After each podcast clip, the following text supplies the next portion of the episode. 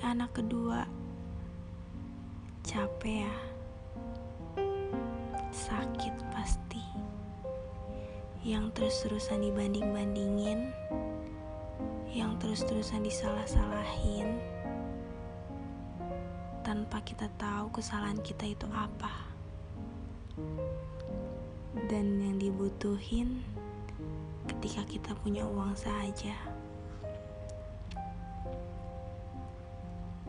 Kadang aku berpikir, kok adik aku gak ngerasain kayak aku ya? Saat ibu aku beli makanan, kenapa aku gak ditawarin? Kenapa hanya adik aku aja? Sakit banget rasanya. Dan ketika adik aku ngelakuin kesalahan, aku yang disalahin. Dikuatin lagi bahunya, gak apa-apa.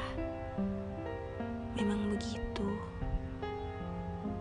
Semangat ya anak kedua.